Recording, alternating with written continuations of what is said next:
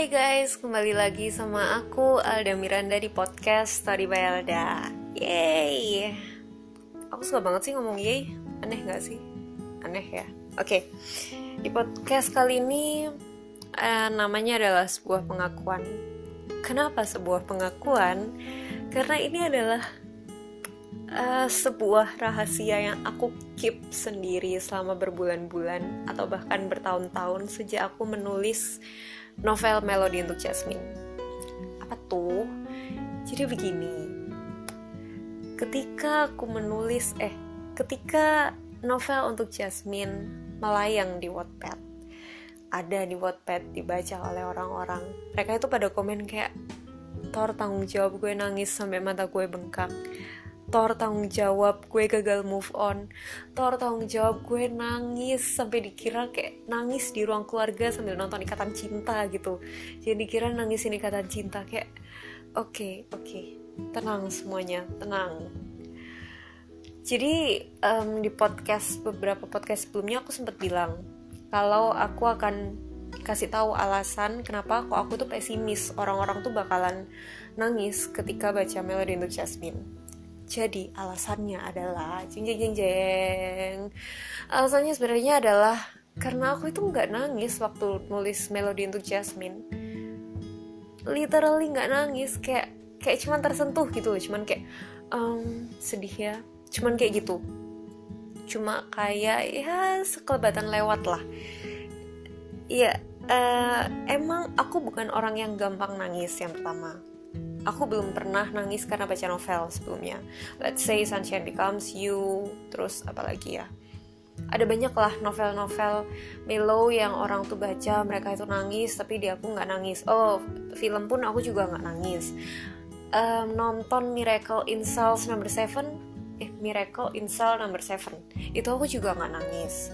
Cuma satu film yang berhasil bikin aku nangis. Judulnya itu Gifted itu satu-satunya film yang berhasil bikin aku akhirnya bisa ngeluarin air mata.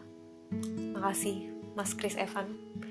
Dan uh, untuk ya Orange Marmalade aku juga nangis lah di akhir webtoon kan itu. Itu aku juga nangis di akhir. Jadi kalau misalnya diurutin webtoon salah satunya bikin aku nangis Orange Marmalade film yang bikin aku nangis salah satunya Gifted.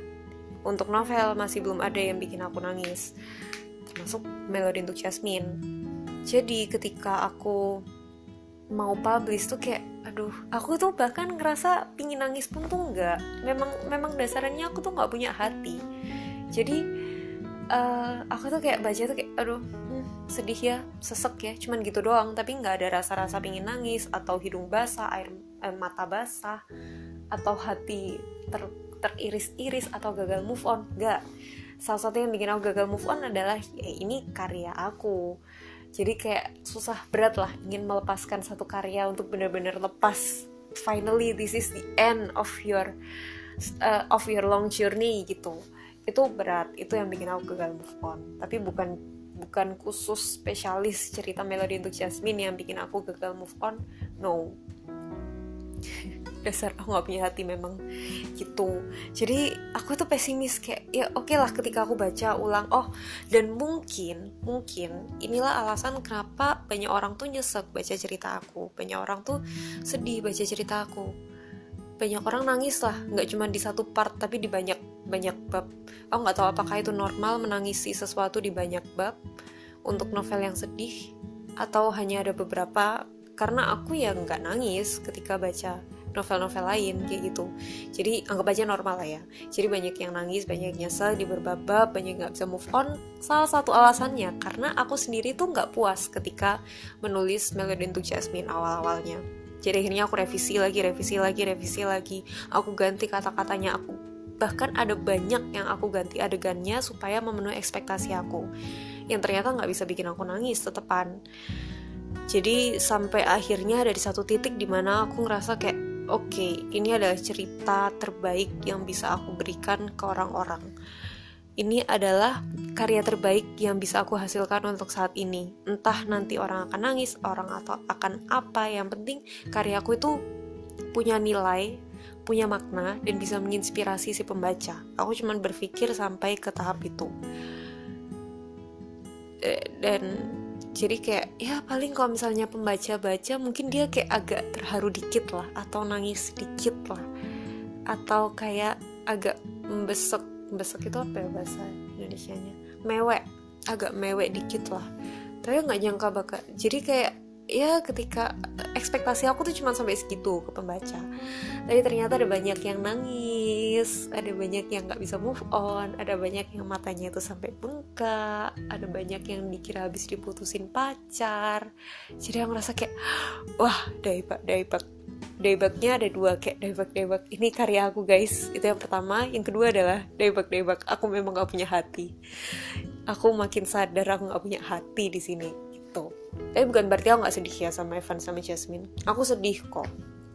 Cuma ya memang ya memang nggak bisa nangis aja. Memang bukan apa ya? Ya emang nggak punya hati aja kok buat nangis kayak gitu. Oke okay. next adalah Ayara. Jadi kan aku setelah nulis melodi untuk uh, setelah up melodi untuk Jasmine aku itu menggarap berbagai project novel lain. Salah satunya adalah Kayla dan Gary. Kalau misalnya kalian sudah baca Melody untuk Jasmine, uh, Gary ini temannya si Evan.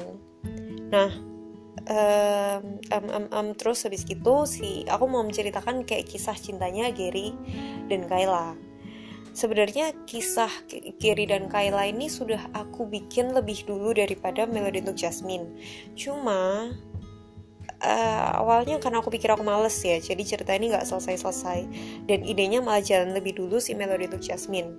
Aku ngerasa kayak ya dasar kamu jiwa mager jiwa pemalas gitu. Cuma ternyata bukan karena itu. Karena memang Kayla dan Gary ini ceritanya lebih ke arah healing aja. Dan untuk melakukan proses healing ini itu nggak mudah. Itu sangat-sangat susah kayak ada banyak aspek emosi yang bikin aku itu capek untuk menulis. Jadi kayak baru nulis dikit itu bener-bener kayak uh, apa ya capek capek lah intinya. Capek pikiran dan capek batin. Jadi kayak oke okay lah istirahat aja lanjut besok kayak gitu. Bukan karena aku males cuman emang berat aja. Dan aku berusaha untuk merangkum self healing itu sedemikian rupa supaya sampai di kalian tuh ringan. Ya nggak ringan sih cuman kayak nggak berat lah nggak yang terlalu bertele-tele terlalu ribet terlalu susah untuk dimaknai nggak. Aku pingin healing itu mudah. Kalau misalnya aku menyampaikan healing itu susah ya sampai ke kalian kalian ngerasa healing itu susah. Tapi kalau misalnya aku merangkum healing yang susah itu yang benar-benar panjang dan kompleks itu menjadi simple maka kalian akan menangkap oke okay, healing itu part of us kok. Healing itu sesuatu yang mudah untuk dilaksanakan step awalnya gampang kayak gitu itu sih yang bikin susah. Oke, okay, next. Jadi setelah aku nulis Melody untuk Jasmine tuh ada beberapa novel yang aku kerjain secara bersamaan. Salah satunya Kayla dan Gary, terus ada juga novel ketiga, novel yang seharusnya jadi novel ketiga aku, dan juga novel yang seharusnya jadi novel keempat, kelima, dan keenam aku. Aku nulis itu hampir bersamaan, tergantung mood. Terus habis itu tiba-tiba ketika pertengahan aku upload melodi untuk Jasmine, aku tuh kepikiran aku lagi baca Wattpad yang bisa bikin banyak orang tuh nangis.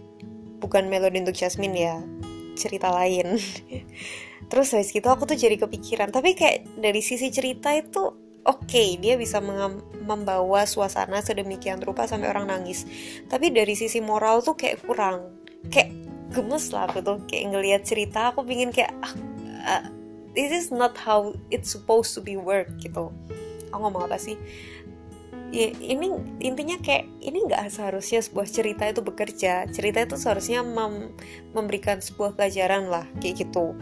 Jadi kayak akhirnya aku gemes aku kepikiran ide impulsif untuk membuat sebuah cerita yang set yang alurnya lambat intinya kayak sama kayak cerita Wattpad kebanyakan lah. Jadi kayak sesekali aku ingin go with the flow gitu loh. Yang alurnya lambat uh, konfliknya eh, enggak konfliknya sih nggak ringan ya. Intinya kayak alurnya lambat nggak apa-apa tapi intinya feelnya dapat feel setnya dapat dan kemudian lahirlah Ayara. Ayara ini bener-bener kayak jo, uh, jawaban atas kerisian aku dalam dunia Wattpad yang mana kurang mendidik. Mungkin eh, nggak uh, semua cerita kurang mendidik, cuman ada banyak dari pembaca Wattpad mungkin yang akan merasakan hal yang sama. Apalagi yang sefrekuensi sama aku. Jadi kayak terlalu banyak entah terlalu bucin lah, terlalu terlalu nggak logis lah intinya, nggak mendidik nggak mendidik orang. Jadi kayak ya kalau misalnya kamu bucin harusnya kamu berjuang lah buat hidup kamu gitu. Akhirnya lahirlah Ayara. Ayara ini tapi bukan tentang perbucinan tentang toxic relationship di lingkungan keluarga. Dia dibanding-bandingin lah diapain. Oke okay. intinya kayak gitu ya. Aku di sini nggak ingin promosi tentang Ayara dulu. Terus habis gitu um, lahirlah Ayara. Dan setelah ongoing ceritanya ya ada yang dapat ada yang nangis juga sih udah di di part belasan. Cuman kayaknya bagian setnya kurang sedapet awal-awalnya cerita Jasmine. Men menurut pembaca ya karena kan masih belum bisa dibandingin. Tapi tapi tapi tapi endingnya itu ah gila sih intinya Ayara itu bukan sekedar kayak project aku untuk latihan membuat cerita set. Karena kan waktu itu aku nggak sadar Jasmine itu seset itu. Jadi aku pingin kayak aku pingin bikin cerita itu yang bikin pembaca bener-bener nangis gitu loh. Caranya gimana supaya pembaca bikin bener-bener eh gimana caranya supaya pembaca itu bener-bener nangis adalah dengan aku sendiri harus nangis di cerita itu kayak gitu.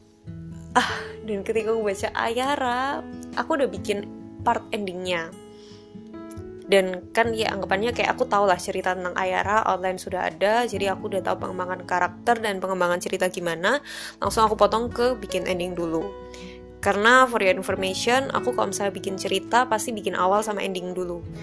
Harus aku godok matang-matang ending karena ending itu adalah part yang paling membuat orang berkesan. Kamu bagus atau enggak itu tergantung di gimana ending kamu gitu. Dan ketika aku lagi membuat bagian mau ke ending itu kayak ah gila. Uh sesek guys sesek cuma aku belum nangis. Kayak aku udah sampai uh, literally uh, genggam tangan gitu loh saking perihnya. Cuma aku nggak nangis. Aku nggak tahu kenapa aku nggak bisa nangis. Oke nanti aku baca waktu aku mau mau uh, haid ya. Mungkin aku bisa nangis waktu itu. Intinya kayak gitu. Jadi kalau misalnya kalian baca Ayara eh, kalau kalian baca Jasmine yang aku literally nggak nangis dan kalian kejar kalian ngerasa cukup bengkak ya kalian bayangin aja lah ketika membaca Ayara kalian akan senangis apa. Gitu. Uh, sad banget sih. Uh, gila aku bayangin tuh kayak uh, sad. Cuma nggak tahu kenapa aku nggak bisa nangis nggak ada yang keluar air matanya. Basah perih aja. Enggak yang ada bersin iya. Dirasani kayaknya sama Ayara Hoi kamu autor. Kamu si penulis. Tuhan kita. Bisa-bisanya kamu kejam sama kita. Kayak gitu. Mungkin Ayara ngerasa nih aku. Ngerasa nih apa sih sang ngerasa nih Ayara kayak hmm, mikir tentang aku ngomongin aku. Jadi aku bersin kayak gitu. Jadi kalian siap-siap aja di Ayara kalian kalian siap-siap hati siap-siap mental saran aku sih nggak apa-apa kalian mau tunggu ceritanya ending dulu baru kalian baca nggak apa-apa. Aku bukan orang yang mengejar angka reads uh, nggak yang mengejar readers mengejar voters nggak. Oke aku serahkan segala sesuatunya kalian. Kalian mau baca kapan kalian mau nunggu end mau langsung baca terserah kalian. Gitu. Oke? okay? Uh, aku mau lanjut nulis Ayara dulu ya guys. Jadi begitu semoga eh 14 menit loh ngomong nggak jelas ini. Oke okay, semoga kalian gak bosan dengar suaraku semoga kalian siapin mental kalian dan itu pengakuan dari aku. Terima kasih sudah men mau mendengarkan podcast aku dan see you in the next podcast